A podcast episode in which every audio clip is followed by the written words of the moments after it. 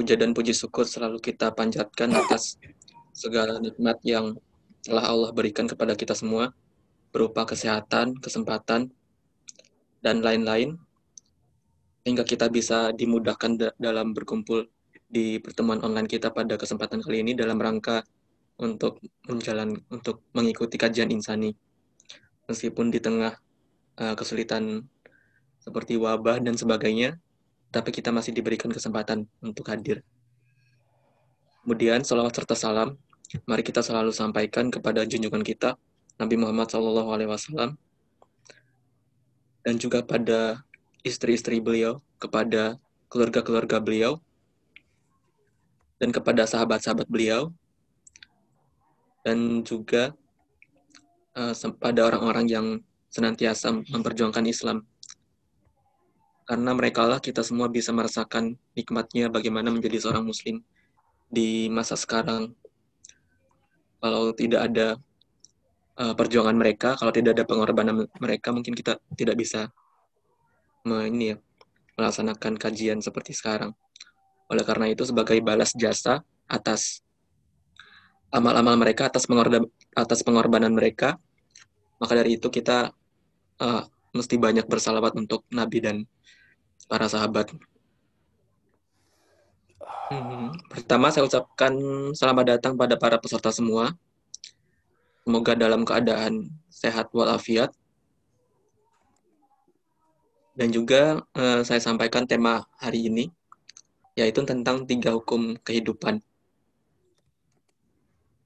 Mungkin sekilas eh, tiga hukum kehidupan ini itu masih erat kaitannya dengan materi-materi yang kemarin gitu. Jadi teman-teman silakan untuk merecall kembali materi kemarin bagaimana kira-kira garis besarnya dan nanti insya Allah hari ini kita akan melengkapi bagian-bagiannya seperti itu. Oleh karena itu, uh, mari kita sama-sama bersiap, mempersiapkan catatan dan sebagainya, dan meniatkan diri karena Allah untuk uh, belajar.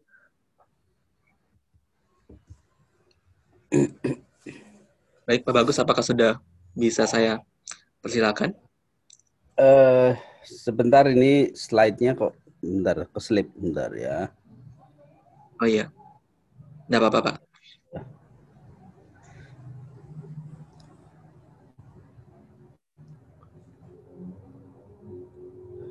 Oke, sudah ketemu. Sebentar, ini tinggal tak copy aja.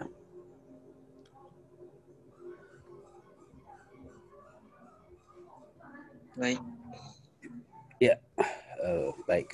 Karena saya siap sebentar, ini sudah ketemu, tinggal di post. Oh ya. Copy. Oh, ya, mungkin sambilan kasih tahu pesertanya. Jadi hmm. setelah pertemuan hari ini, insya Allah akan ada dua pertemuan yang temanya nanti akan diumumkan gitu.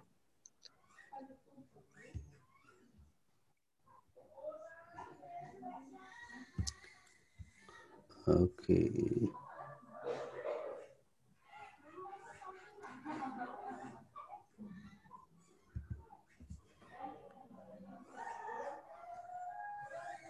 Ya, mungkin sambilan peserta yang belum mengisi presensi, silakan mengklik link presensi yang sudah kami bagikan di uh, kolom chat.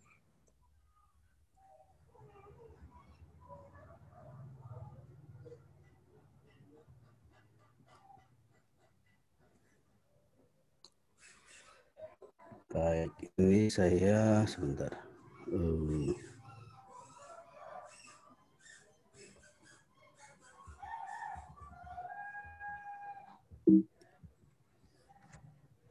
Oke.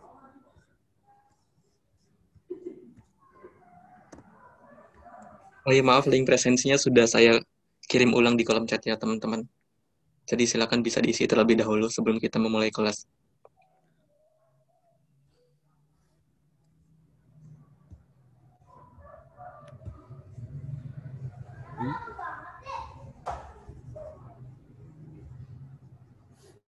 Yang hadir berapa nih? Yang hadir di, di Zoom ada sekitar 40 orang, Pak. Nanti mungkin sebagian ada yang akan menyimak lewat YouTube juga, seperti biasa.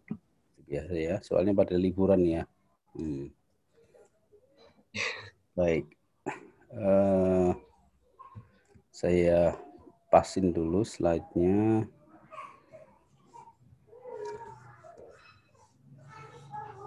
Lebih fokus ke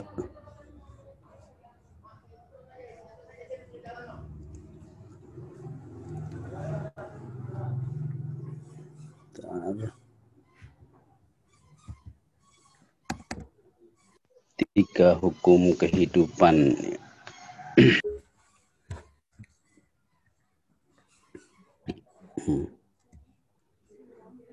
Baik, sudah siap.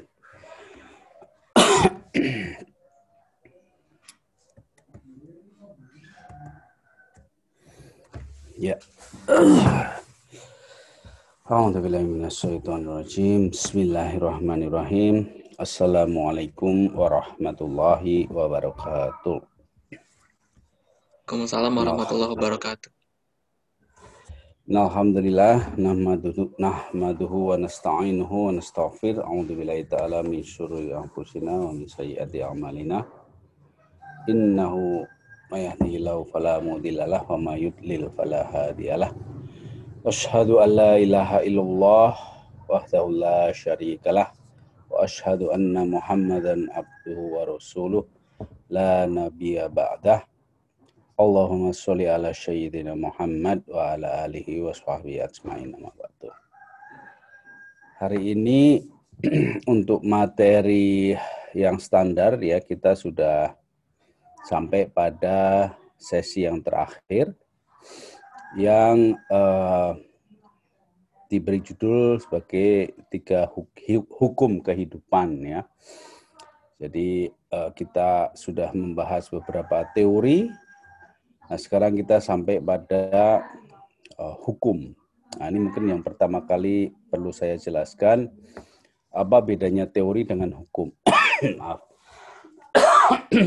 ini masih dalam wacana atau hasanah keilmuan manusia ya uh, ketika kita bicara teori itu artinya kita bicara tentang hipotesis sebetulnya atau bicara tentang uh, sebuah proposisi uh, yang siap untuk uh, di falsify ya. Falsify itu artinya siap untuk diuji ya. Nah eh, teori itu ketika dia sudah berkembang, eh, sudah difahami, didukung eh, oleh bukti-bukti yang konsisten eh, dan tidak terbantahkan lagi, maka dia disebut sebagai hukum. Ya, ini kita bicara dalam wacana keilmuan manusia ya, yang artinya um, kita bisa ber bisa mengklaim lah begitu ya uh, insya Allah itu ya dengan izin Allah bahwa ketika kita sudah sampai ke tataran hukum itu berarti ini sudah bisa kita klaim sebagai uh, bagian dari sunnatullah ya. Nah kalau dari uh, wacana wahyu atau ketuhanan ya semua ayat-ayat Quran itu semuanya adalah hukum atau yang disebut sunatullah. Artinya di sinilah bertemunya antara uh, usaha keilmuan manusia dengan ketetapan Allah yang berupa sunatullah, yang berupa hukum-hukum alam itu ya, hukum-hukum alam, prinsip-prinsip kehidupan yang tidak bisa terbantahkan ya. Dan di sinilah sebabnya kenapa kalau kita sampai meragukan Al-Quran itu adalah suatu uh, secara ilmiah itu adalah suatu kebodohan ya karena dalam perjalanan ilmu pengetahuan ilmiah itu kita itu ingin merumuskan hukum itu sementara kalau Al-Qur'an itu sudah turun sebagai hukum. Jadi kalau kita dengan argumentasi ilmiah ingin meragukan Quran, itu suatu kegagalan dalam memahami konstelasi ilmu pengetahuan begitu. Uh, yang yang perlu kita lakukan adalah bagaimana mengembangkan pengetahuan kita ini secara ilmiah sehingga bukti-bukti itu akan terkumpul dengan sangat uh, komprehensif ya dan kita bisa mengklaim ini suatu hukum ya artinya sudah mendekati atau uh, me mengkonfirmasi atau terkonfirmasi oleh ayat-ayat Allah gitu. Jadi bisa dibayangkan ya kalau kita bicara tentang Al-Qur'an kalau kita meragukannya itu uh, adalah suatu kebodohan sebetulnya dan juga uh, kalau dalam bahasa moralitas itu suatu uh, kekurang ajaran gitu ya. Bagaimana mungkin uh, kita sebagai manusia meragukan hukum-hukum uh, yang sudah diturunkan Allah sebagai uh, anchor ya kita sudah mengenai istilah anchor ya sebagai anchor bagi keilmuan kita. Ibarat kita itu sedang uh, bergelantungan di atas jurang uh, kita berpegang pada satu tali yang sangat kuat dan kalau kita tidak ter diikat oleh tali itu kita akan jatuh ke jurang, tapi kita justru mempermasalahkan talinya itu. Justru talinya itu kita ragukan atau talinya itu kita lepas. Nah, itu artinya kita menganiaya diri sendiri. Itu ilustrasinya ya kalau itu dalam bahasa anchor ya. Nah, ini ini uh, sehingga kalau kita kaitkan dengan pembahasan kita selama ini maka uh, ketika kita sudah mendapatkan hukum ini, mestinya ini menjadi basic uh, uh, assumption ya, basic knowledge yang kalau kita ingin mengembangkan ilmu ini lebih lanjut, kita akan uh, mengandalkan itu, menjadikannya sebagai anchor ya, sebagai anchor dari kearifan itu ya, virtues yang mestinya harus kita uh, jadikan pengingat yang harus kita ingat ya keep in mind ya kita harus keep in mind. Karena apa pun yang akan terjadi dalam kehidupan kita itu akan uh, bisa dijelaskan dengan tiga hukum kehidupan ini dan juga bisa diselesaikan atau solusinya itu tersimpan di dalam tiga hukum kehidupan ini. Gitu kurang lebih ya. Jadi uh, kita harus menyadari uh, keterbatasan kita, menyadari posisi kita, memahami posisi dari wahyu atau ayat-ayat Allah, yaitu yang hauniyah maupun hauliyah, ya, sehingga kita memandang eh, kehidupan dan keilmuan itu bisa clear ya, bisa jernih dan tidak rancu, tidak apa campur aduk ya. Nah, ini sebagai contoh yang ya dari apa yang saya katakan tadi itu contohnya sebetulnya cukup banyak ya termasuk juga ketika ada orang e, meragukan hukum waris misalnya ya.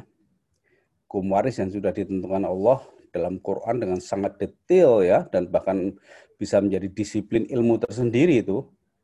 Hukum waris itu bisa menjadi disiplin ilmu tersendiri itu. Itu diragukan ini. Nah, ini yang penyakit ini ya uh, padahal di di akhir dari ayat tentang hukum waris itu sudah diingatkan bahwa inilah hukum Allah ya barang siapa mengikutinya insya Allah apa dia masuk surga barang siapa tidak mengikutinya adalah uh, tempatnya adalah neraka jahanam. Jadi sudah ditegaskan seperti itu masih ada orang yang mempertanyakan. Jadi ibarat orang yang bergelantungan di jurang, dia malah melepaskan tali yang jadikan pegangannya itu. Ya jatuhlah dia ke dalam jurang itu. Eh, di samping itu kurang ajar, eh, apa kebodohan itu juga eh, tidak paham ya dan juga menganiaya diri sendiri, gitu ya. Nah, Sehingga eh, hati-hati kita ketika membahas wacana eh, Al-Quran. Lalu eh, yang akan kita bahas pada sesi berikutnya ya dua sesi berikutnya ini sedikit saya kaitkan ya supaya nanti anda siap ya pertama adalah faham feminisme itu itu juga suatu faham yang meragukan ayat Quran. Jadi dia mengkritik Quran karena dianggap terlalu pro pada laki-laki gitu. Dan dia mengusulkan interpretasi ulang pada ayat Quran supaya lebih pro perempuan. Ini suatu tindakan yang sangat bodoh dan uh, kurang ajar tadi ya. Sehingga ya ini sama dengan orang yang uh, meragukan atau ingin mengubah hukum waris ya. Dan memang salah satu agenda mereka juga mengubah hukum waris itu. Jadi ini memang konsisten ya ke kedoliman atau kebodohan atau uh, uh, apa kesesatan itu orang itu konsisten gitu. Oke, okay, uh, lalu yang kedua adalah topik yang di, sekarang sering dipopulerkan dalam media itu sebagai post truth ya, post truth ya anda kenal istilah pre-test, post-test ya. Jadi post itu kan sesudahnya, pre itu sebelumnya kan. Post-truth itu sesudah kebenaran. Jadi mereka kenapa dianggap sesudah kebenaran? Karena sebetulnya post-truth itu kebohongan. Tapi supaya lebih keren dia bilang ini post-truth. Jadi bukan kebohongan, kebohongan nggak keren loh. Jadi setelah kebenaran, eh, berarti kebohongan sebetulnya. Tapi dengan nama yang keren gitu. Nah ini juga salah satu uh, kebodohan yang luar biasa yang uh, di di apa setan itu membuatnya nampak indah karena itu banyak membuat orang jadi menang dalam pemilihan apa uh, kepemimpinan ya presiden pem, pem, apa, gubernur atau apalah. Pokoknya posisi-posisi jabatan-jabatan itu kampanye-kampanye itu menggunakan strategi post truth melalui sosial media dengan mengerahkan buzzer, influencer dan sebagainya itu itu mereka merasa bangga bahwa wah saya menang dengan post truth ini padahal yang mereka lakukan adalah kebohongan gitu. Artinya sesuatu yang melanggar hukum Allah ya, janganlah berbohong gitu. Nah, ini contoh yang lain. Jadi uh, hukum itu itu sesuatu yang mengikat ya. Hukum itu Eh, satu kata dengan hakim ya kebijaksanaan uh, hikmah ya hikmah kebijaksanaan hakim hukum ya itu harusnya sesuatu yang mengikat. Tapi ya karena kebodohan uh, orang manusia ya ikatan itu justru dia lepas. Uh, padahal ikatan itu untuk menyelamatkan tapi dia ingin bebas dari ikatan itu justru tidak selamat. Yaitu ya beberapa hal yang mungkin perlu saya sampaikan sebagai pengantar ya mukadimah dari pembahasan tentang hukum ini. Nah, kemudian selama ini sudah ada kak contohnya dalam ilmu pengetahuan hukum sudah banyak ya yang paling jelas dan uh, universal itu adalah hukum gravitasi misalnya ya. Jadi gravitasi itu tadinya teori ya karena uh, kalau dalam hasanah keilmuan barat kan uh, dianggap yang pertama kali memikirkan itu adalah Newton ya dengan ilustrasi kejatuhan apel gitu ya. Uh, tapi itu sebagai itu itu sebetulnya adalah suatu metafora ya, suatu apa istilahnya fabel apa ya uh, kisah yang uh, ilustratif saja tapi bukan bukan diragukan apakah itu peristiwa sebelum sebenarnya atau tidak. Tapi itu mengilustrasikan, jadi seolah-olah Isaac Newton itu duduk-duduk di bawah pohon apel, lalu kejatuhan apel, lalu kepikiran kalau yang jatuh itu bulan gimana ya? Tapi bulan kok nggak jatuh gitu dan seterusnya akhirnya merumuskan hukum gravitasi. Ilmuwan Islam itu sebetulnya di abad pertengahan itu uh, sudah ada ulama yang juga E, memikirkan tentang gravitasi itu, ya, teori gravitasi itu. Nah, karena gravitasi itu nyata-nyata ada dan tidak ada orang yang bisa membantahnya, bahkan ketika kita merancang pesawat terbang itu salah satu uh, apa salah satu hukum yang harus dipertimbangkan adalah hukum gravitasi jadi bagaimana supaya karena hukum gravitasi itu ada hitungannya bisa dihitung gitu dengan secara matematis. Maka lalu pesawat terbang itu dihitung kecepatannya energinya beratnya supaya dia bisa terangkat gitu ya sehingga bisa melawan uh, kekuatan gravitasi itu makanya dia bisa terbang. Jadi gravitasi itu sudah tidak lagi tidak lagi teori. Semua orang dengan sendirinya sudah akan memperhitungkan gravitasi ketika dia melakukan apa pun di, di atas bumi ini maupun di di bulan atau di angkasa luar dan sebagainya. Itu gravitasi sudah tidak lagi menjadi teori yang lalu akan diuji, difalsify ya. Tidak lagi karena sudah jadi hukum. Jadi kalau sudah jadi hukum ya dia jadi uh, anchor tadi menjadi tolok ukur ya, menjadi uh, satu uh, platform ya tempat kita berpijak untuk untuk mengembangkan ilmu uh, selanjutnya ya atau teori-teori selanjutnya ya.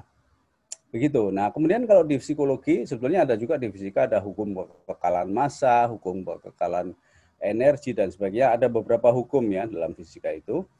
Tapi kita coba ber, ber uh, paling ke psikologi ya, menengok ilmu psikologi.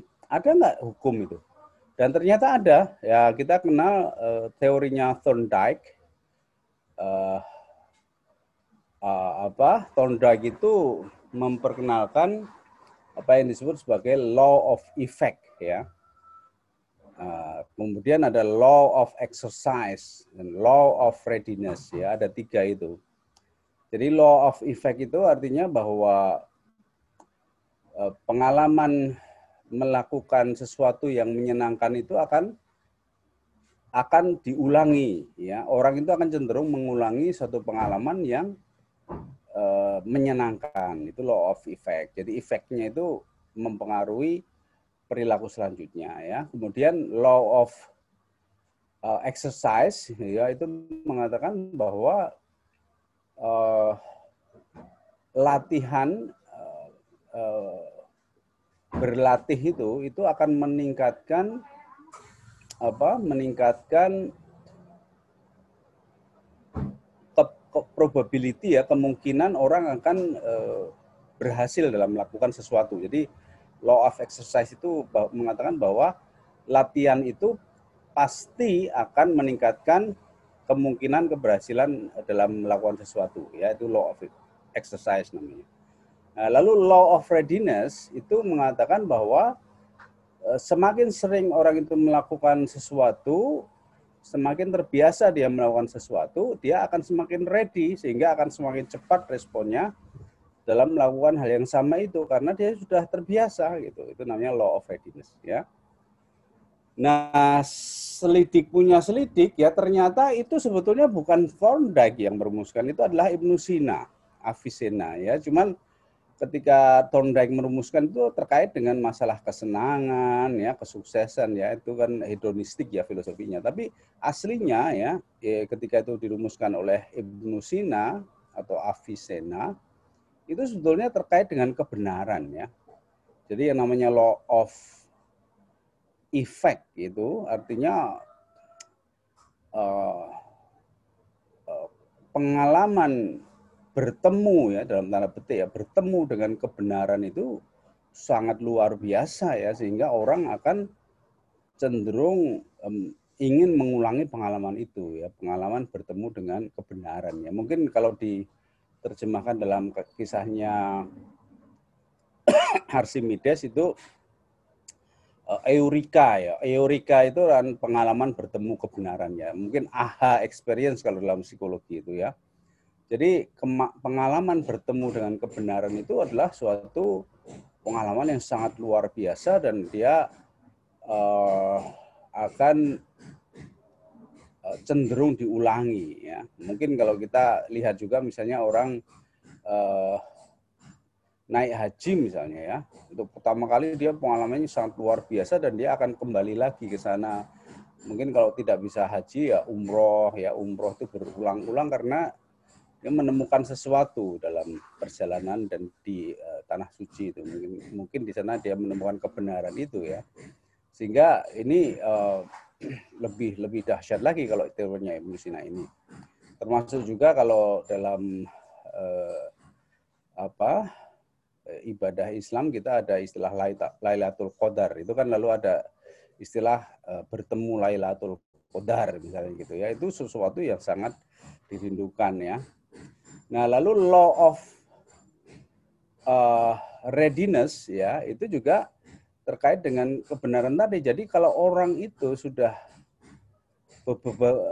orang yang akan ber, mudah ya bertemu dengan kebenaran itu adalah orang yang memang sudah beberapa kali mengalami pengalaman itu, maka dia akan lebih mudah ya untuk bisa mendapatkan uh, apa ilham atau mendapatkan petunjuk ya atau hidayah atau taufik ya.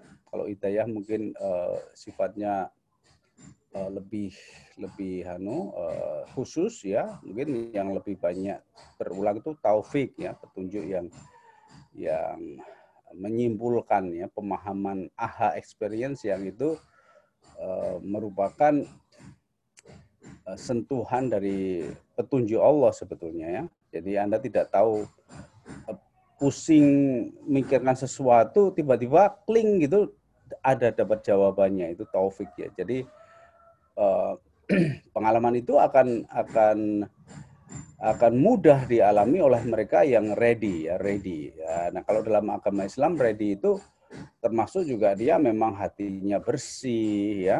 Lalu ibadahnya itu apa uh, rutin ya khusyuk dan sebagainya itu. Jadi ready-nya itu lebih komprehensif lagi ya daripada Thorndike tadi. Kemudian law of exercise juga begitu. Jadi Anda misalnya membaca Quran itu awalnya susah ya. Tapi kalau Anda ulang, ulang, ulang, ulang itu lama-lama jadi lancar otomatis ya. Eh, lalu memahaminya juga lama-lama jadi paham. Jadi bahasa Arab itu ternyata ya ini saya dapatkan dari kajian uh, Makosid ya. Itu tidak tidak memaksakan diri untuk hafal dalam waktu oh, tiga bulan misalnya enggak tapi di dirutinkan karena itu akan menjadi semacam exercise yang nanti akan mempermudah kita menghafal dan mengingat ayat ini bicara apa ayat itu bicara apa gitu ya. Jadi makanya kalau dalam Islam itu rutinitas itu penting sekali ya. Sholat itu lima kali sehari bahkan tambah yang sunat ya. Jumatan itu seminggu sekali rutin terus tidak tidak ada istilahnya eh, kadang-kadang iya, kadang-kadang tidak. Itu enggak rutin terus. Lalu membaca Quran itu juga kalau bisa setiap hari, ya kalau belum bisa mungkin setiap dua hari, ya atau minimal setiap Jumat, malam Jumat atau hari Jumat gitu ya. Sehingga rutinitas itu penting sekali. Bahkan ada uh, apa hadis ya mengatakan ya amalan yang paling disukai Allah itu tidak usah banyak-banyak, tapi yang penting rutin gitu ya. Mungkin hanya sedikit, tapi selalu dilakukan secara rutin. Nah itu lalu Ibnu Sina menyebutnya law of exercise tadi, ya sehingga uh, exercise practice make perfect gitu kalau muncul dari istilah bahasa Inggrisnya practice make perfect itu adalah sebuah uh, satu uh, ungkapan yang terkait dengan uh, the law of exercise tadi. Jadi begitu. Jadi tentang hukum ini supaya difahami ya hmm, posisinya di mana, sifatnya bagaimana, uh, terbentuknya bagaimana ya, uh, bedanya dengan teori apa dan sebagainya ya itu supaya anda paham. Nah sekarang saya uh, kita akan bahas tentang uh, tiga hukum kehidupan dan ini juga dikembangkan dari teori-teori yang sudah kita bahas ya, tapi diambil intisarinya ya, basic foundationnya yang yang itu sebetulnya ter apa tersirat ya di dalam teori-teori tersebut. Nah ini yang lalu bisa kita uji, uh, bisa kita uh, kaji dan juga kita pahami ya sebagai hukum kehidupan. Dan ini klaim ya, klaim yang istilahnya yang namanya ilmu manusia ya.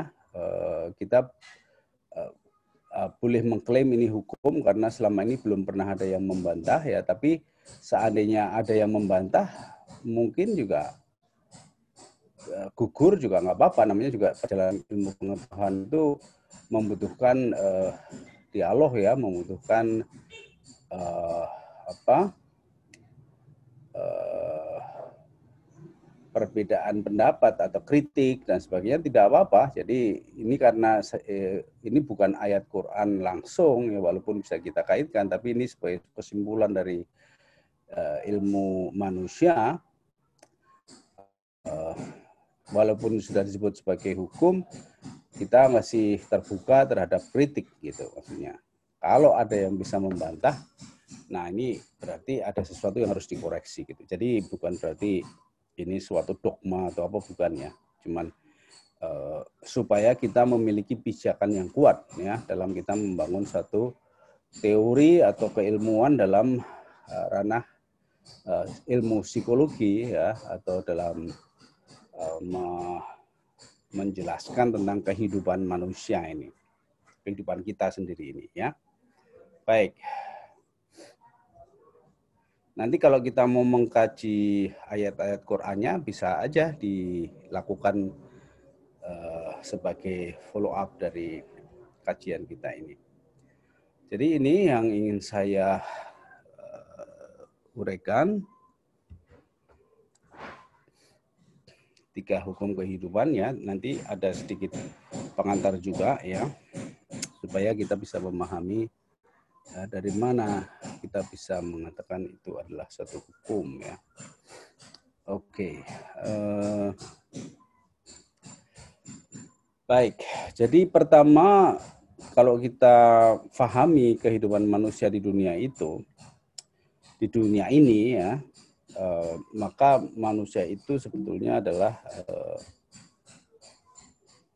bentar uh, kayaknya ini kuning lagi nih, jadi nggak bisa kelihatan ya di sana ya. Uh, sebentar, mungkin ada sesuatu yang bisa saya ubah di settingnya.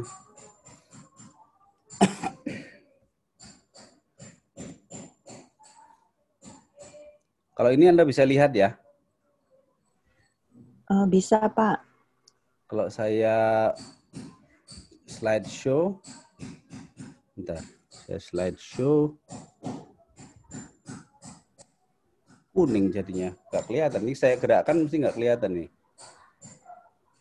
Di sini kelihatannya paradigma tauhid. Iya, tapi nggak gerak toh? Enggak, nggak gerak. Wah, ini padahal sudah saya klik-klik ini. Ini aneh nih, kadang-kadang gitu ini. Bentar, apa rahasianya nih? Uh, mungkin mungkin Windows-nya sebentar ya. Uh, Windows View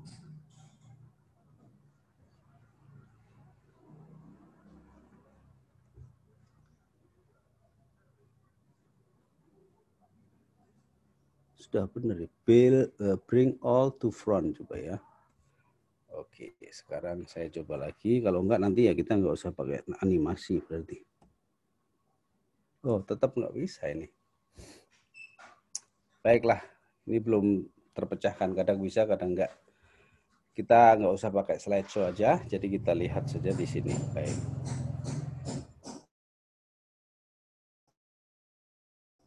Uh, jadi ini sebuah paradigma tauhid itu ini digambarkan dengan suatu apa lintasan ya yang mem, mem, uh, apa, membalik atau kembali ya kepada uh, sumbernya di sini ya. Uh, ini kan kita jadikan kerangka metodologis yang kita lakukan selama ini ya bahwa kita mengkaji psikologi Islam itu bersumber dari Al-Quran dan Al-Hadis ya Kemudian uh, kita melakukan apa yang disebut um, apa menggunakan akal budi kita ya menggunakan uh, reasoning kita uh, untuk mengambil pelajaran dari Quran hadis itu ya. Lalu apa yang kita simpulkan dari sana itu hasil pemikiran kita itu akan kita uji dengan apa ke uh, sebenarnya penelitian ya uh, kesimpulan dari penelitian ya uh, atas data empirik. Jadi kita mengujinya dengan satu penelitian, lalu kita simpulkan. Oh sorry, anunya di bagian bawah ini penelitiannya ya. Penelitian empirik ini adalah untuk menguji apa yang kita pelajari, uh, kemudian kita simpulkan ya uh, hasil pengujian empirik itu, lalu kita konfirmasi kembali kepada Quran dan hadis. Ini kan satu suatu proses pembangunan keilmuan ya mungkin bisa disebut sebagai epistemologi yang kita uh, gunakan ya dalam kita mengembangkan psikologi Islam itu. Oke. Okay? Dan sebetulnya prinsip-prinsip ini uh, juga dilakukan oleh para ilmuwan sekuler ya, artinya ilmuwan yang tidak me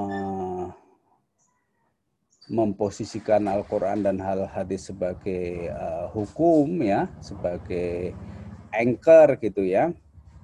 ya. Prosesnya mirip, cuman masalahnya coba kita lihat di sini. Uh,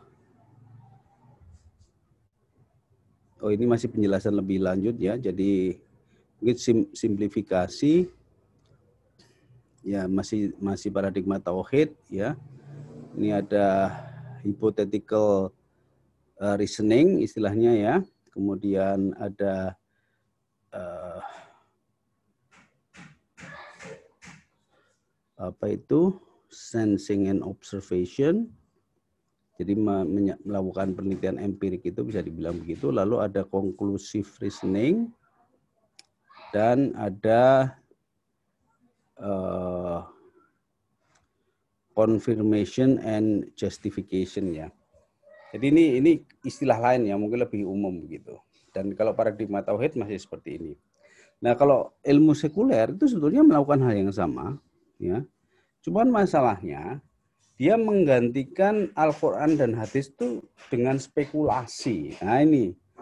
Jadi makanya kalau ada yang mengatakan uh, kemarin saya dengar uh, salah satu webinar itu dari Masjid Al-Hikmah di LIPI ya, Jakarta itu ada seorang ilmuwan muslim dia ahli kimia atau fisika begitu mengatakan sebetulnya yang namanya ilmu itu uh, bebas nilai gitu. Jadi uh, apa apa yang dilakukan oleh orang-orang kafir itu juga juga ilmu karena mereka melakukan hal yang sama gitu. Tapi dia lupa bahwa anchor-nya itu beda. Ini makanya teori anchor itu penting sekali ya. Karena anchor itu sesuatu yang uh, uh, uh, tidak selalu eksplisit ya. Dia menjadi asumsi dasar yang dijadikan ya tadi anchor tadi dijadikan anchor, jadikan pegangan sebagai patokan ya bahwa dia juga melakukan hypothetical reasoning, uh, dia melakukan empirical testing ya, observation, sensing, dia melakukan confirm apa konklusi conclusive reasoning, melakukan clarification justification, tapi anchornya spekulasi. Ya, jadi ini kita harus hati-hati ya ketika kita bicara masalah teori. Oke. Okay? Uh, atau masalah penelitian ya. Misalnya Anda menggunakan uh, teori Freud ya. Teori Freud itu sudah punya spekulasi dulu bahwa manusia itu uh, didorong oleh ketidaksadaran ya, unconsciousness dan ini hampir semua psikolog yang muslim maupun tidak muslim percaya pada spekulasi itu. Padahal kalau kita tanya ke Freud, ketidaksadaran itu apa sih definisinya? Itu nggak jelas. Ya mungkin Freud sendiri nggak sadar kalau ada definisi ketidaksadaran itu. Ya. Ya lalu dia menerjemahkannya secara spekulatif yaitu libido seksual. Ayo coba bayangkan. Jadi anchornya teori Freud itu libido seksual. Yang dianggap itu ketidaksadaran atau id ya. Dari mana dia dapat itu? Apa buktinya? Ya. Nah, dia nyari buktinya juga hanya satu kasus, misalnya Oedipus kompleks itu hanya satu kasus. Dia pernah ketemu seorang anak yang mencintai ibunya, membenci bapaknya. Harusnya dia bilang, tuh kan ada buktinya. Teori saya gitu. Nah, itu spekulasi semua. Lalu penelitian-penelitian mengikuti spekulasi itu, lalu mengklarifikasinya juga dengan spekulasi itu. Misalnya, uh, saya ingat pada waktu Pak Harto sudah hampir lengser itu, terus didatangi Cak Nur, Gus Dur, sama Cak Nun ya, waktu itu kalau nggak salah.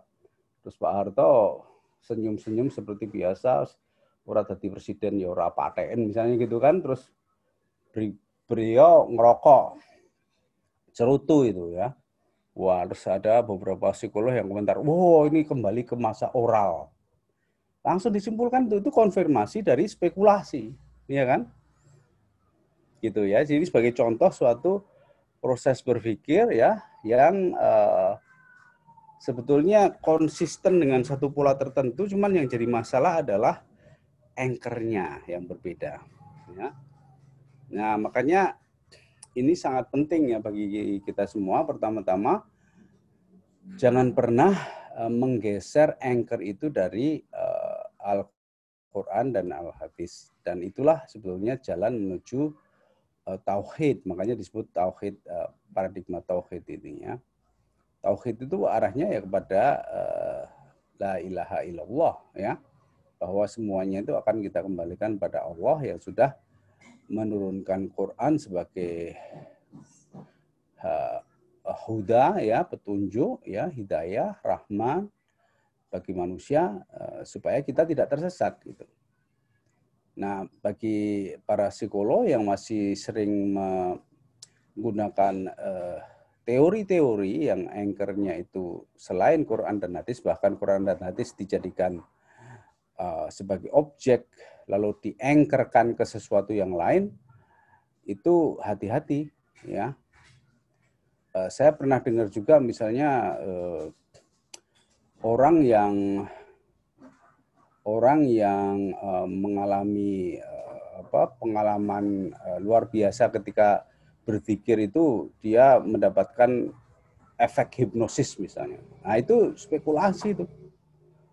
Lalu ada yang mengatakan bahwa Rasulullah itu kalau berdakwah itu yang dilakukan adalah sugesti misalnya gitu. Nah, itu hati-hati ya. Jadi sekali lagi kita kalau sudah sampai kepada prinsip-prinsip dasar ya kita sudah belajar teori anchor ya terutama ya itu adalah kunci ya untuk untuk me, me, meri, mereorientasi ya jiwa kita ya uh, kepada anchor yang uh, lurus ya kepada anchor yang mengarah pada Allah ya jangan sampai anchor kita itu uh, apa mengandalkan spekulasi ya.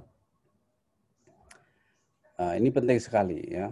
Nah, makanya itu perlu sekali kita selalu makanya bahasan kita yang pertama kemarin adalah bagaimana menjadikan Al-Qur'an sebagai guru kita ya, menjadi rujukan utama. Oke. Dan tidak usah takut ya eh, karena Al-Qur'an itu kalau kita hati kita terbuka, kita mensucikan diri, kita bertaskia, maka Al-Quran itu akan meresap ke dalam dada kita dengan sangat mudah. Ya. Akan kita terima dengan sangat mudah. Ya, tentu saja ada metodenya, ada tekniknya ya. Kita sudah belajar tentang kiroah, tilawah, tartil, ya, tadabur, ya. Itu adalah eh, teknik-teknik uh, untuk me memahami pesan-pesan dari Al-Quran. Dan ada, ada terjemahan, lalu ada arti dari kata-kata itu ada kamusnya, ada softwarenya ya. Bagi yang di Android, Anda, uh, saya ada teman yang itu sering posting, wah ini bagus nih ada software yang bisa uh, apa memaknai kata per kata ya bukan bukan ayat per ayat tapi kata per kata misalnya al hijr al hijr itu di surat uh, Fajar itu itu sebetulnya uh, punya makna orang yang selalu menjaga diri, menahan diri dan sebagainya itu bagian dari uh, orang yang berakal dan juga bagian dari sikap yang takwa. Dan itu juga hijr itu satu akar kata dengan hajar ya. Hajar itu kan batu ya, hajar aswad. Ya, artinya ada ada nuansa kokoh, berat ya. Dan menahan diri ya kan. Batu itu digunakan untuk menahan ya.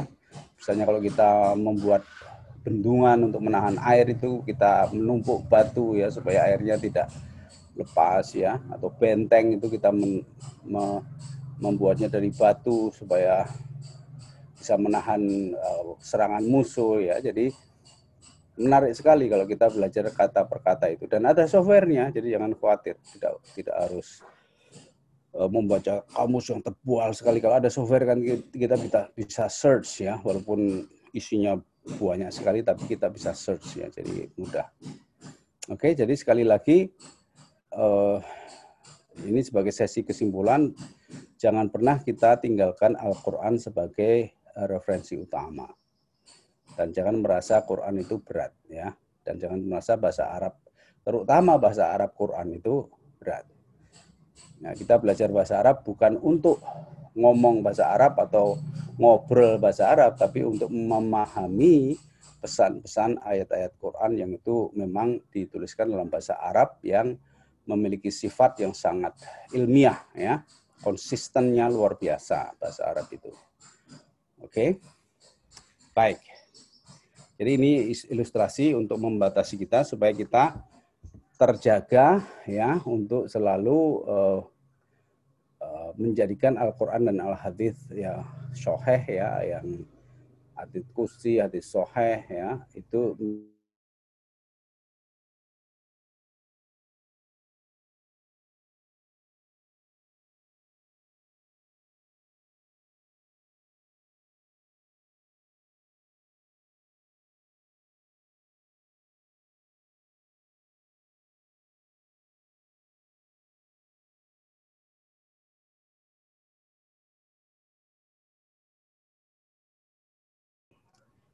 uh, apa menuju pembahasan tentang hukum kehidupan tadi. Dan ingat juga klaim kita sudah menemukan hukum itu akan jauh lebih kuat kalau kita mengkonfirmasikannya dengan ayat Quran ya. Dan ingat bahwa hukum yang dirumuskan oleh Thorndike itu uh, asalnya dari uh, rumusan Ibnu Sina tapi terus diplesetkan dengan falsafat hedonisme sehingga anchornya bergeser bukan kebenaran tapi kesenangan ya. Yang menyenangkan gitu.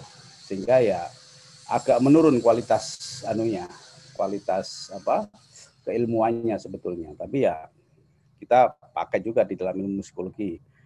Nah bagi anda yang masih belajar di fakultas psikologi harap berhati-hati jangan sampai menggunakan itu secara lebih berlebihan ya. Baik. Nah ini ada ayat Quran. Mari kita baca sejenak.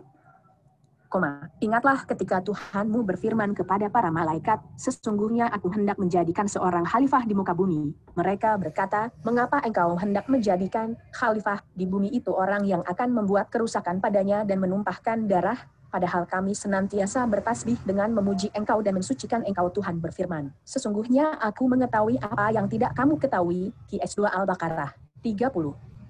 Baik, jadi pertama-tama manusia itu diciptakan untuk menjadi khalifah ya. Nah, ini juga makna khalifah sekali lagi jangan sampai uh, berlebihan dan sampai salah ya. Khalifah itu artinya uh, apa? Uh, pengganti ya, menggantikan ya. Memegang amanah gitu yang akan mengembang amanah.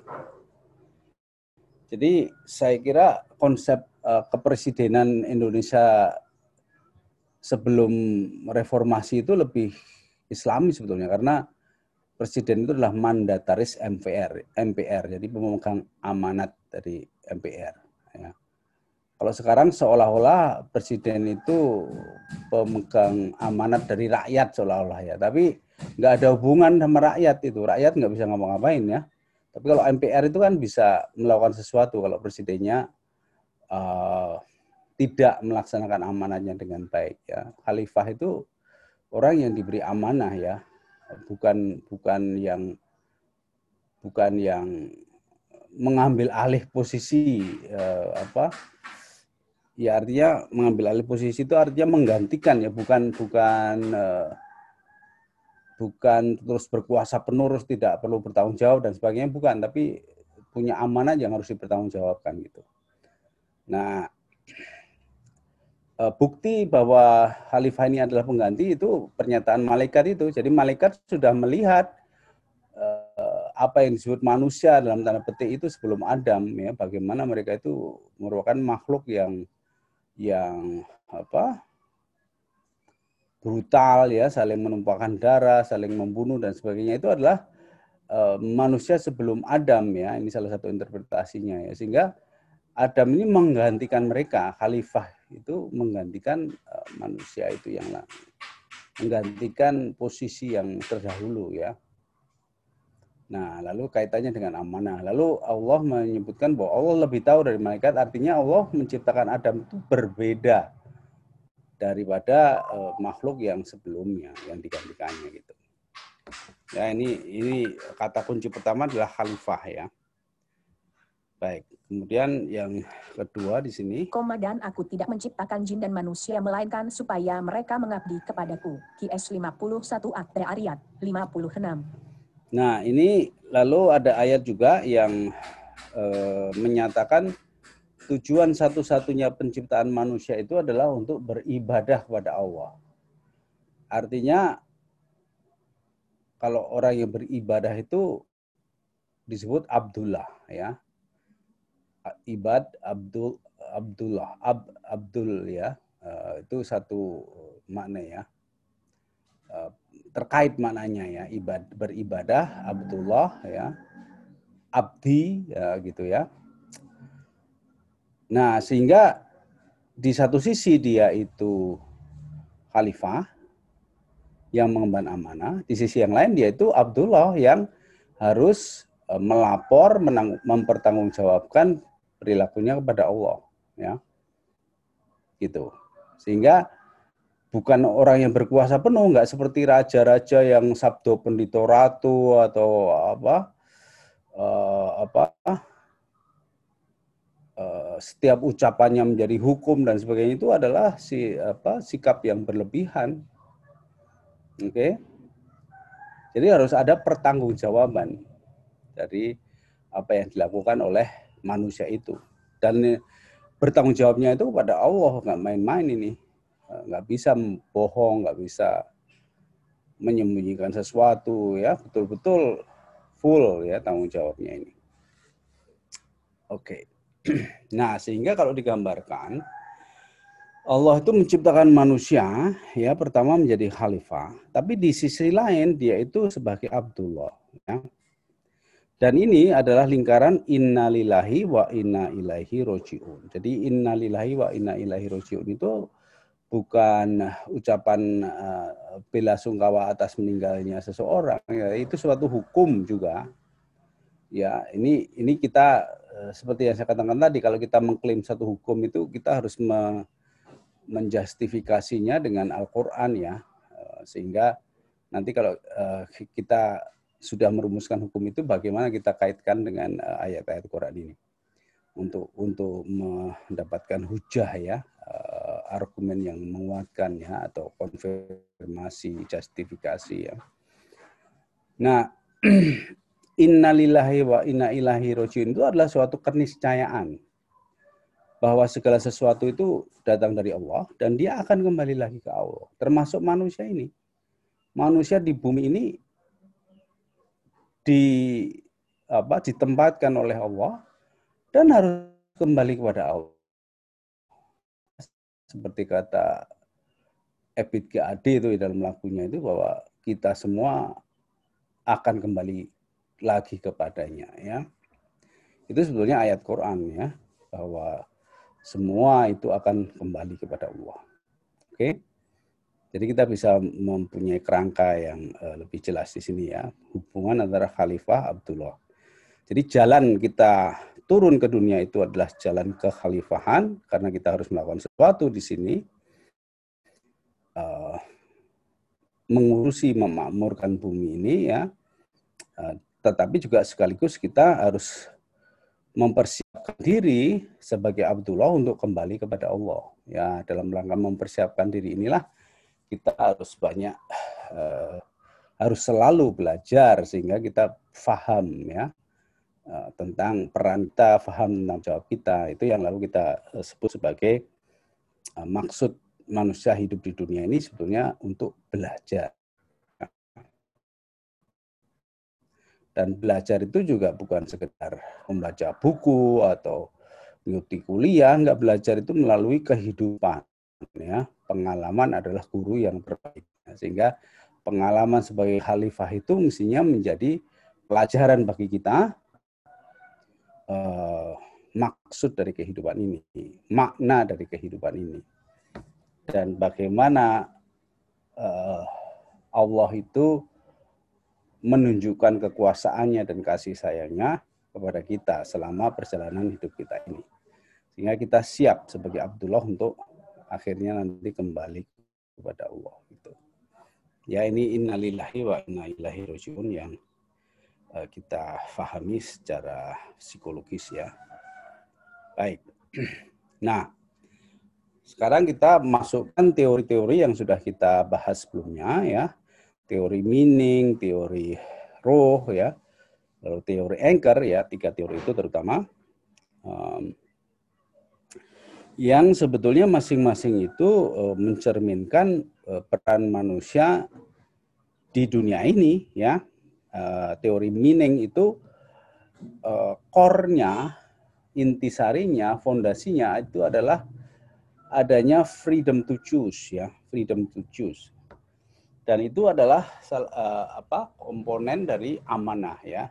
Jadi ketika manusia itu diutus sebagai khalifah, maka dia mengemban amanah dan amanah itu dibekali ya dengan kebebasan untuk memilih eh, mengambil keputusan ya karena dalam kehidupan ini segala sesuatunya itu adalah pilihan Kenapa kita harus memilih? Supaya kita belajar apakah pilihan kita itu benar atau tidak. Nah, lalu ini masuk ke teorinya Ibn Sina tadi tentang law of uh, exercise ya. Ya, bagaimana law of readiness ya, bagaimana kita uh, dan juga law of effect tadi ya, bagaimana kita uh, melakukan sesuatu itu sebenarnya proses belajar untuk menguatkan ya uh, jiwa kita, ya pemahaman kita tentang mana yang benar dan mana yang salah gitu.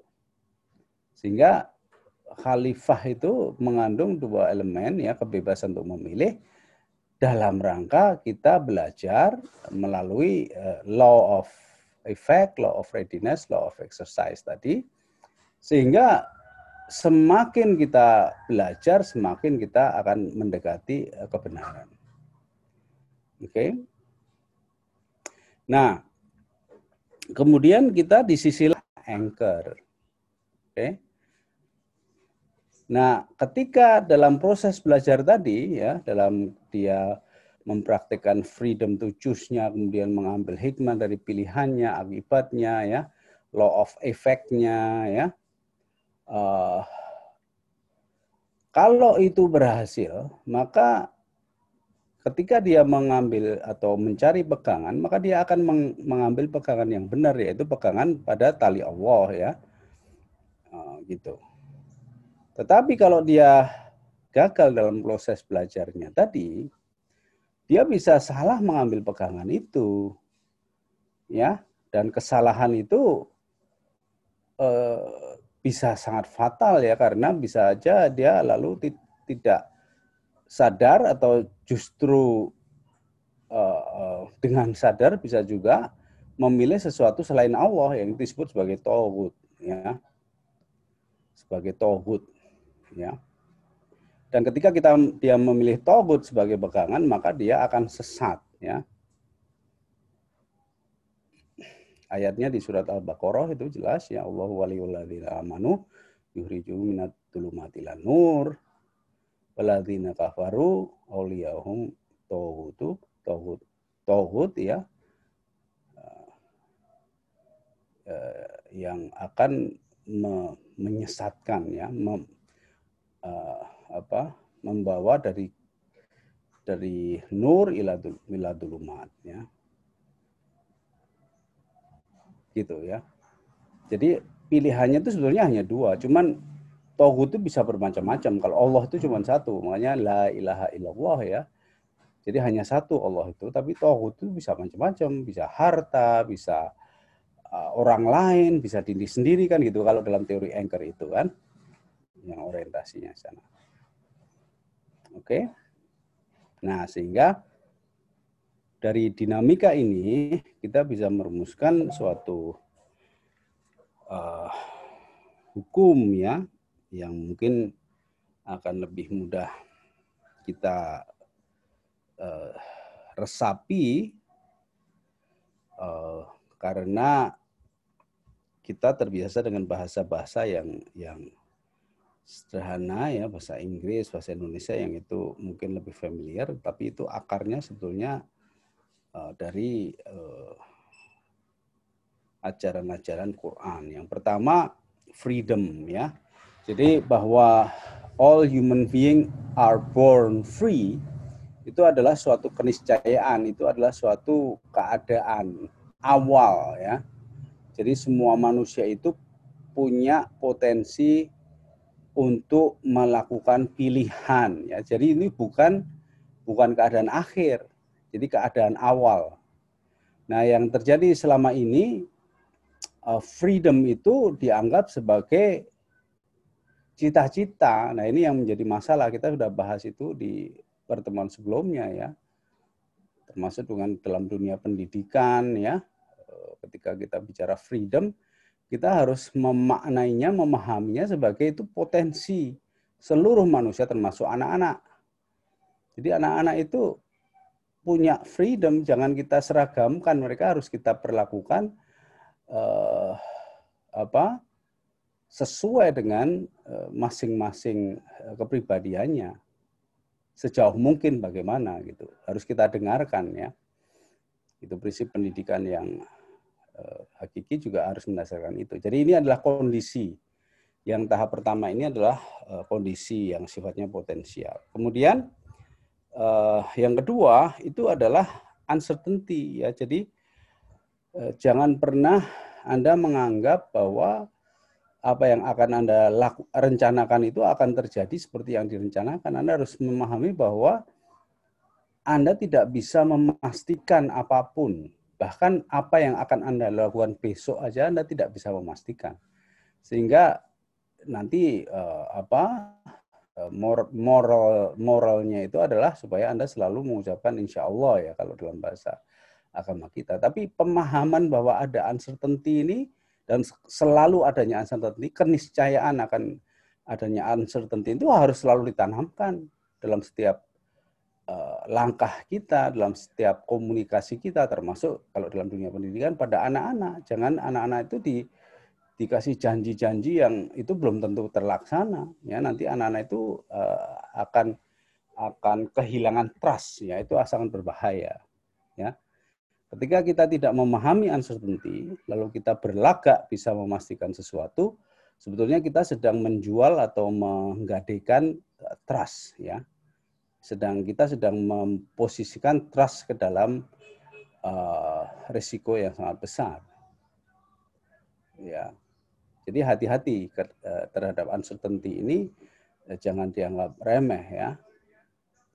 Jadi kalau memotivasi anak-anak uh, jangan dengan kata yang pasti-pasti, tapi dengan kata-kata yang uh, insya Allah ya, dengan kata-kata yang uh, effort Eh, yang mengarah pada effort bukan pada hasil ya, pada usaha bukan pada hasil ya. Pada kemuliaan usaha bukan kehebatan hasil. Pada keikhlasan bukan pada kesuksesan. Ya, itu adalah beberapa morality yang bisa kita bangun di atas kenyataan hidup bahwa kehidupan ini full of uncertainty tadi. Oke. Nah, yang ketiga yang tadi kita bilang uh, vulnerability ya, ketidakberdayaan. Jadi ini juga harus menjiwai uh, kita semua ya. Jangan pernah merasa hebat, jangan pernah bisa melakukan segala sesuatunya sendiri ya. Uh, kita harus selalu membuka diri pada pertolongan orang ya, kerjasama, kerja kelompok, berjamaah ya. Karena kita harus sadar bahwa kita itu tak berdaya. Ya, sehingga kesombongan itu sebenarnya adalah kebodohan ya karena dia tidak memahami uh, sunatullah ya. Bukan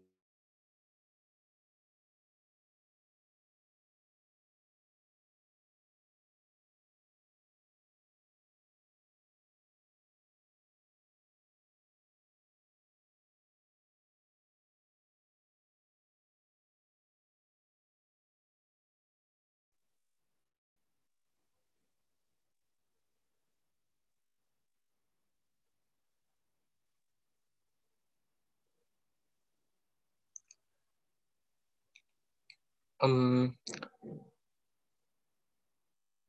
oh ya teman-teman, sepertinya Pak Bagus sedang ada kendala di teknis.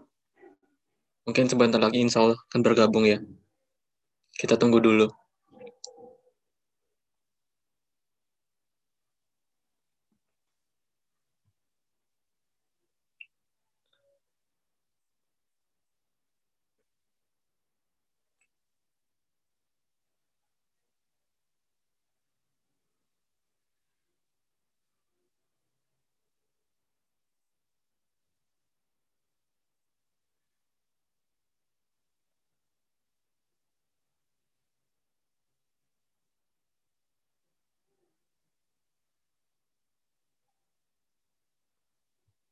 Ya, mungkin sambilan bagi peserta yang sudah punya pertanyaan bisa langsung dikirimkan di kolom chat biar bisa dikumpulkan terlebih dahulu.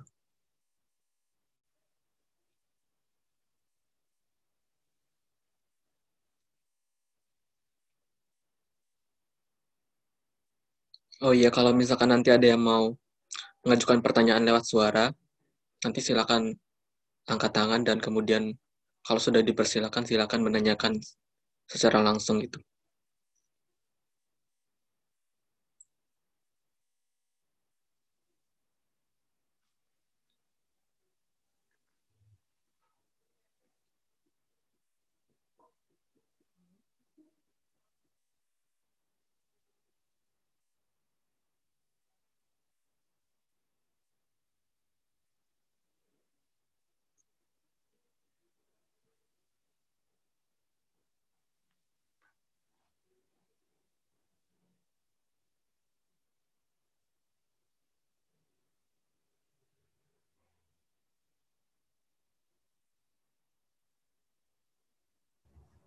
Assalamualaikum. Waalaikumsalam, Pak. Oh iya. Oh ya, tadi sempat terputus ya, Pak. Iya. Baik, saya share kembali. Oh, iya.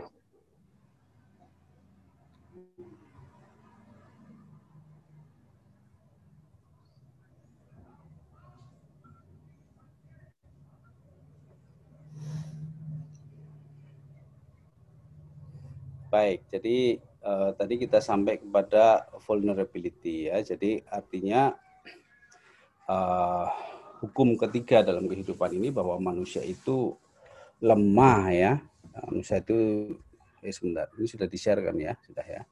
Bahwa manusia itu lemah, uh, tidak pada tempatnya kita untuk menyombongkan diri, tidak pada tempatnya kita untuk uh, merasa bisa sendiri, dan tidak pada tempatnya kita ini untuk uh, merendahkan orang lain ya. Karena orang lain itu kita butuhkan ya. Uh, dan juga tidak pada tempatnya kita ini untuk mengingkari uh, Allah tentu saja. Karena hanya dengan izin Allah lah. Sebenarnya Allah itu yang maha kuasa dan uh, kita ini tidak berdaya ya. Itu pemahaman ini penting sekali. Oke? okay? Baik, nah tiga hal ini lalu bisa memandu eh, tiga sikap utama ya dalam kehidupan ini yang ini juga. Jadi tiga hukum kehidupan itu sebenarnya ada dua sisi sisi kondisi objektif dan sisi uh, uh, sikap utama yang harus kita kembangkan ya uh, sebagai respon terhadap kondisi objektif itu. Yang pertama adalah responsibility, ya. itu adalah uh, pasangan dari freedom tadi. Jadi sebetulnya dulu ada istilah uh, bebas tapi bertanggung jawab atau bebas dan bertanggung jawab itu sebetulnya satu satu paket ya. Artinya orang bebas yang tidak bertanggung jawab itu uh, artinya tidak ada orang yang tidak bebas itu nggak ada. Jadi yang ada itu eh, semua orang itu bebas gitu. Cuman bedanya ada yang bertanggung jawab, ada yang tidak gitu aja. Oke, okay? karena kebebasan itu adalah hakikat uh, modal utama dari mana yang sudah diciptakan sebagai khalifah yang harus mengambil keputusan ya. Jadi kebebasan itu bukan berarti uh, uh, kebisaan untuk semaunya sendiri bukan ya. Kebebasan itu artinya kemampuan untuk memilih secara psikologis maupun secara uh, secara kognitif maupun secara perilaku ya. Secara emosi juga. Emosi itu juga pilihan. Dan itu terbukti secara ilmiah dalam penelitiannya uh, Lisa Feldman Barrett ya tentang otak itu. Jadi otak itu memberi pesan pada kita bahwa emosi itu sebenarnya pilihan kita. Otak itu hanya meng mengkonstruksi emosi itu sesuai dengan kemauan kita. Kalau kita maunya takut ya otaknya akan terprogram menjadi uh, takut ya dia mengeluarkan keringat dingin mem, mem, apa, memperkeras detak jantung menjadi deg-degan ya dan sebagainya itu. Tapi yang memutuskan itu kita ya. Kita itu siapa kalau dalam Islam e, disebut sebagai sohibul nafs yaitu yang pengampu, pengampu amanah itu. Oke, jadi kalau kita jelaskan dengan Quran itu akan jelas semuanya. Kalau dalam wacana sekuler orang tidak bisa menjelaskan siapa itu kita ya who are we? Who am I? Gitu kan jadi nggak jelas. Tapi ada orang-orang juga menyadarinya, cuman belum belum paham aja bagaimana dinamika. Nah, responsibility ini juga adalah yang harus dilakukan oleh diri kita ini, ya. Jadi Anda bisa memilih untuk responsible atau tidak responsible. Anda memilih untuk bertanggung jawab atau berkeluh kesah ya. Dan pilihan selain bertanggung jawab itu adalah pilihan yang keliru ya. Oke jadi artinya dari tiga hukum uh, tentang kondisi kita tadi uh, dari sisi freedom ya maka respon yang sehat itu adalah responsibility kalau kita bebas, logikanya apa pun yang kita lakukan itu ya harus kita sendiri yang mempertanggungjawabkannya karena kita bebas, ya. Gitu. Jelas ya. Nah, kemudian kalau kaitannya dengan uncertainty ya, maka kita tidak bisa meresponnya dengan uh, uh, ekspektasi atau keyakinan tentang kepastian yang bicara dengan janji-janji yang pasti nggak bisa. Kita hanya bicara bicara masalah hope ya. Kita hanya bisa berpegang pada hope. Hope itu adalah keyakinan bahwa akhir itu akan lebih baik dari awalnya. Keyakinan pada bahwa pada akhirnya semua itu akan baik. Keyakinan pada keadilan itu pada akhirnya akan datang keyakinan bahwa yang hak itu pada akhirnya akan menang ya bahwa batil itu pada akhirnya akan musnah jadi itu hope ya hope itu tidak ada batasnya Tapi kalau ekspektansi itu ada jadwalnya ya. Dalam waktu berapa lama, berapa tahun dan sebagainya. Dan ini juga kalau dalam aplikasinya dalam uh, psikologi organisasi ya. Vision itu harusnya berisi hope bukan berisi ekspektansi. Makanya tidak ada visi 2020 udah selesai nih 2020 belum ada apa-apa. Visi 2045 Indonesia emas itu bukan visi itu sebenarnya ekspektansi ya. Kalau visi itu harusnya isinya hope. Jadi sebetulnya eh, sudah dirumuskan dalam pembukaan Undang-Undang Dasar 45 ya, visi Indonesia adalah negara yang maju, berdaulat, adil dan makmur.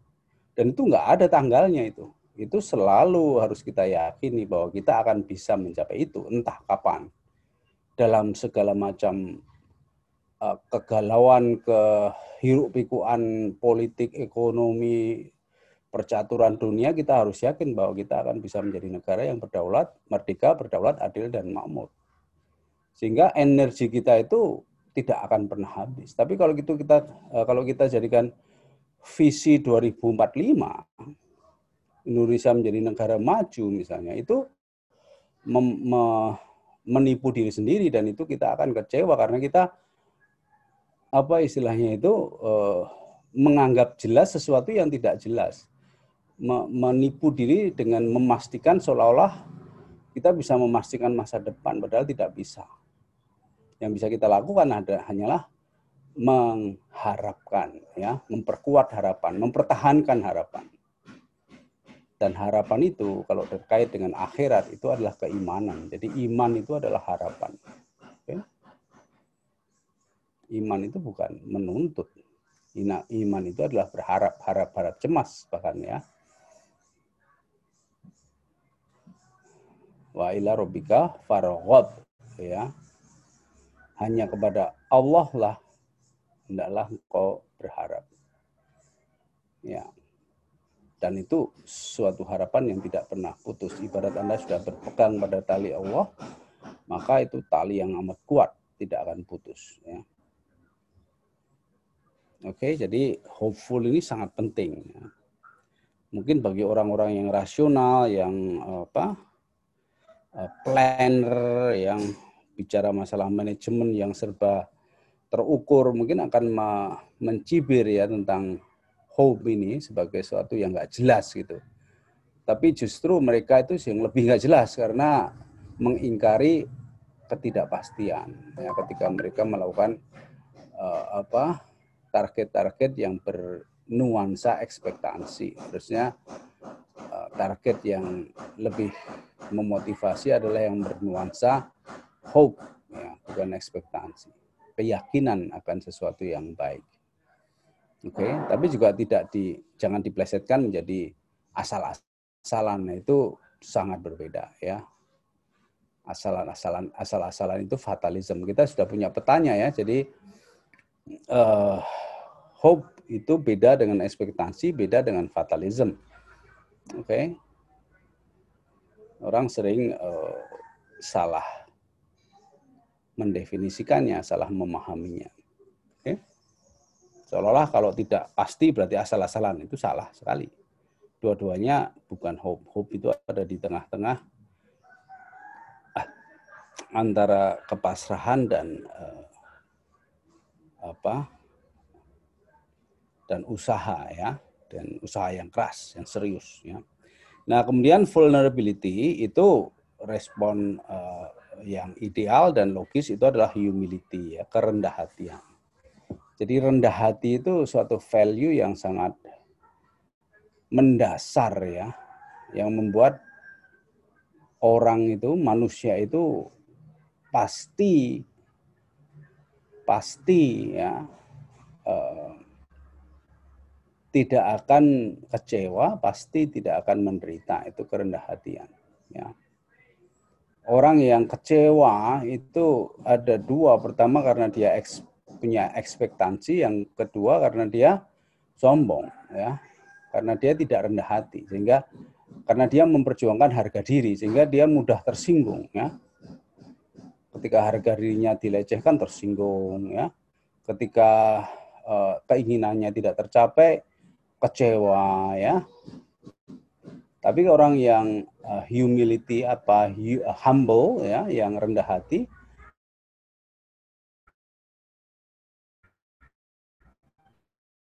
dia tidak merasa direndahkan, nggak bisa direndahkan, nggak bisa, oh dia tuh rendah hati kok, andap asor ya. Bagaimana merendahkan orang yang rendah hati nggak bisa, ya. Jadi sungguh sangat kuat posisi orang yang rendah hati itu. Seperti gunung yang tidak akan bergeser karena angin kencang ya. Karena dia sudah sangat kokoh di situ. Nah, ini humility ini sangat penting. Sehingga kalau kita uh, transformasikan ya dari kondisi atau tiga kondisi dasar kehidupan ya ke dalam tiga sikap dasar atau nilai dasar kehidupan, uh, maka nilai dasar kehidupan itu adalah responsibility, hopefulness, uh, sorry, oh, ini Oh ini tadi kayaknya gambarnya kurang satu, tapi kita di sini aja deh berhenti di sini ya. Jadi uh, tiga nilai utama dan ini bagi yang pendidikan, parenting ya, dan juga organisasi sangat penting ya untuk selalu berpegang pada tiga hukum kehidupan ini yang perlu Anda tanamkan pada setiap anak didik ya.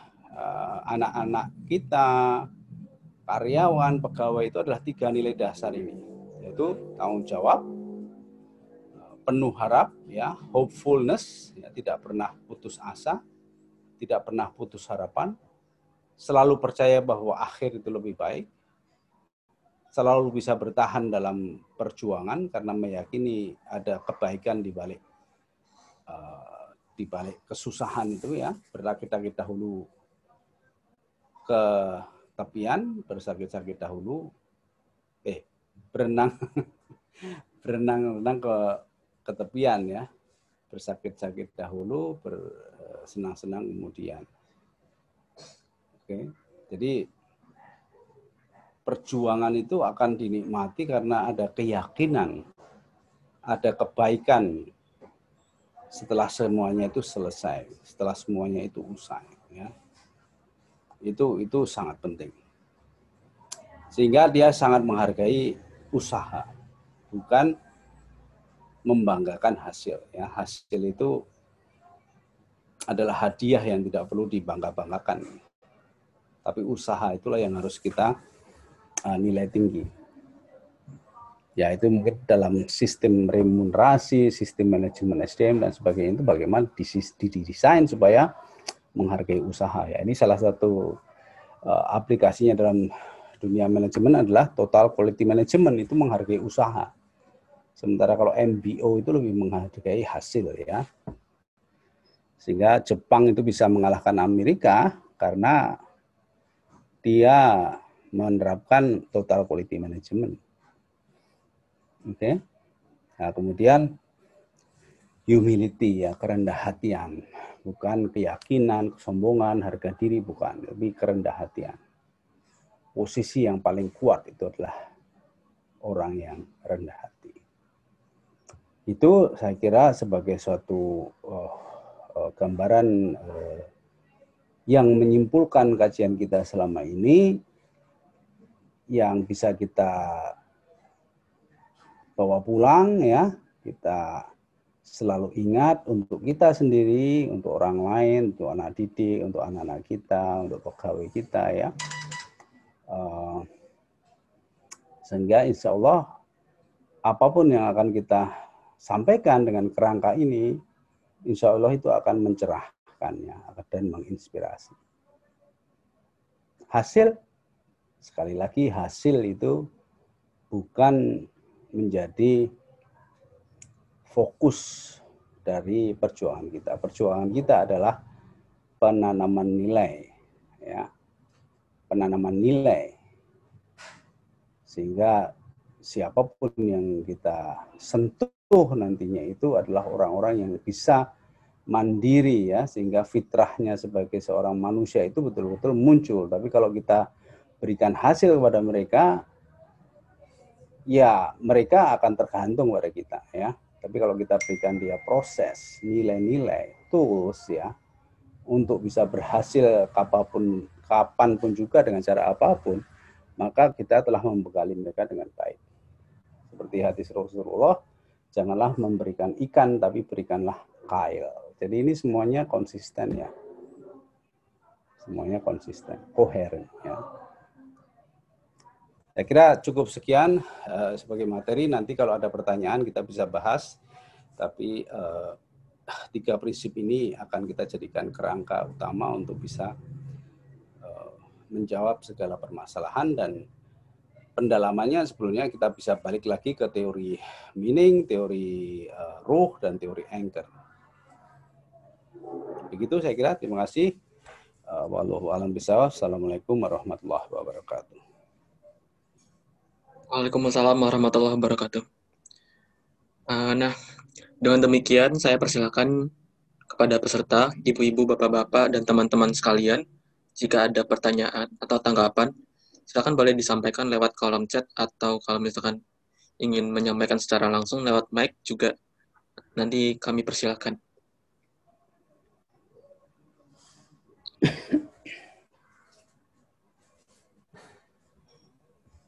Oh ya, sepertinya belum ada pertanyaan yang masuk, Pak.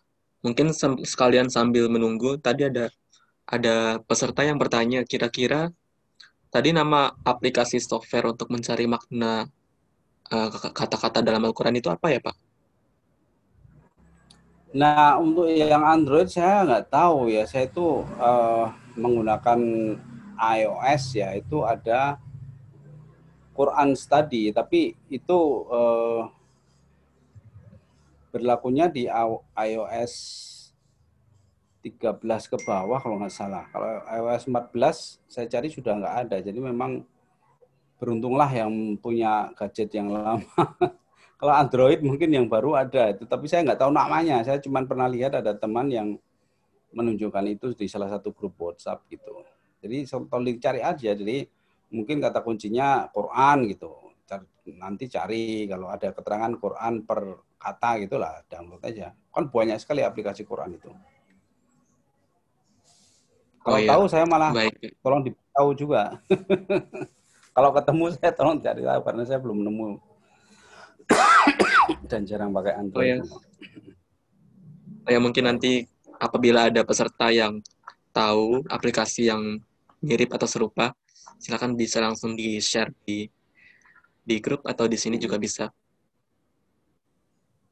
Siapa tahu nanti jadi pahala ya. Yang Quran ya Quran secara umum ya ayat per ayat itu zeker biasanya yang mudah dan gratis ya cari zeker itu. Cuman itu untuk komputer yang 32 bit. Kalau komputernya terlalu canggih juga nggak bisa kompatibel itu. Jadi no. ya pengembang softwarenya itu berlomba-lomba dengan pengembang hardware ya. Kadang-kadang pengembang hardware itu malah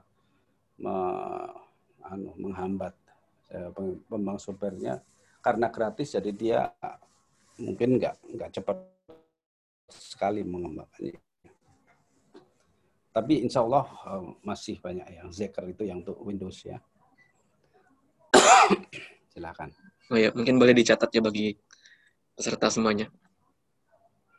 Um, oh ya, hari ini sampai sekarang belum ada pertanyaan atau tanggapan yang masuk, Pak.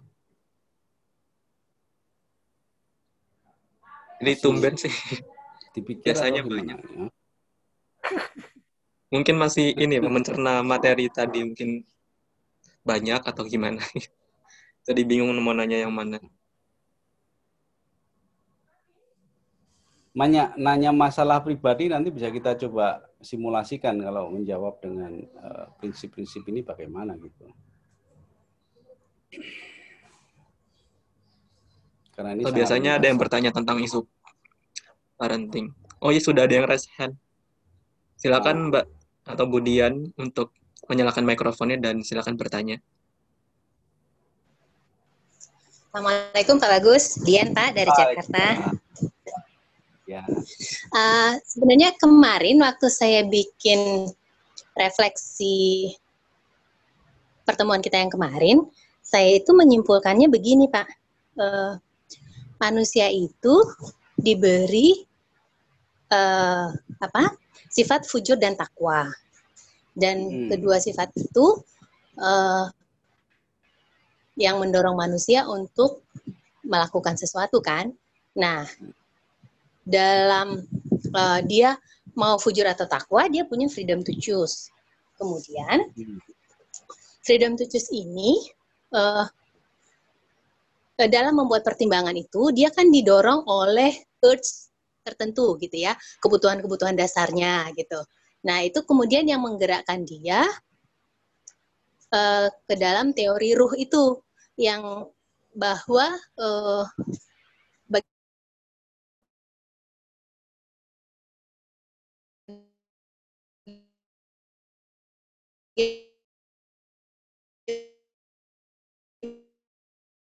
gimana dia harus berhenti kemudian hmm. hope dan risk hmm. karena kan dia tahu bahwa setiap hal yang dia lakukan pasti mengandung risiko kan nah kemudian uh, yang membuat dia hmm. bisa keep going itu sebenarnya adalah hope.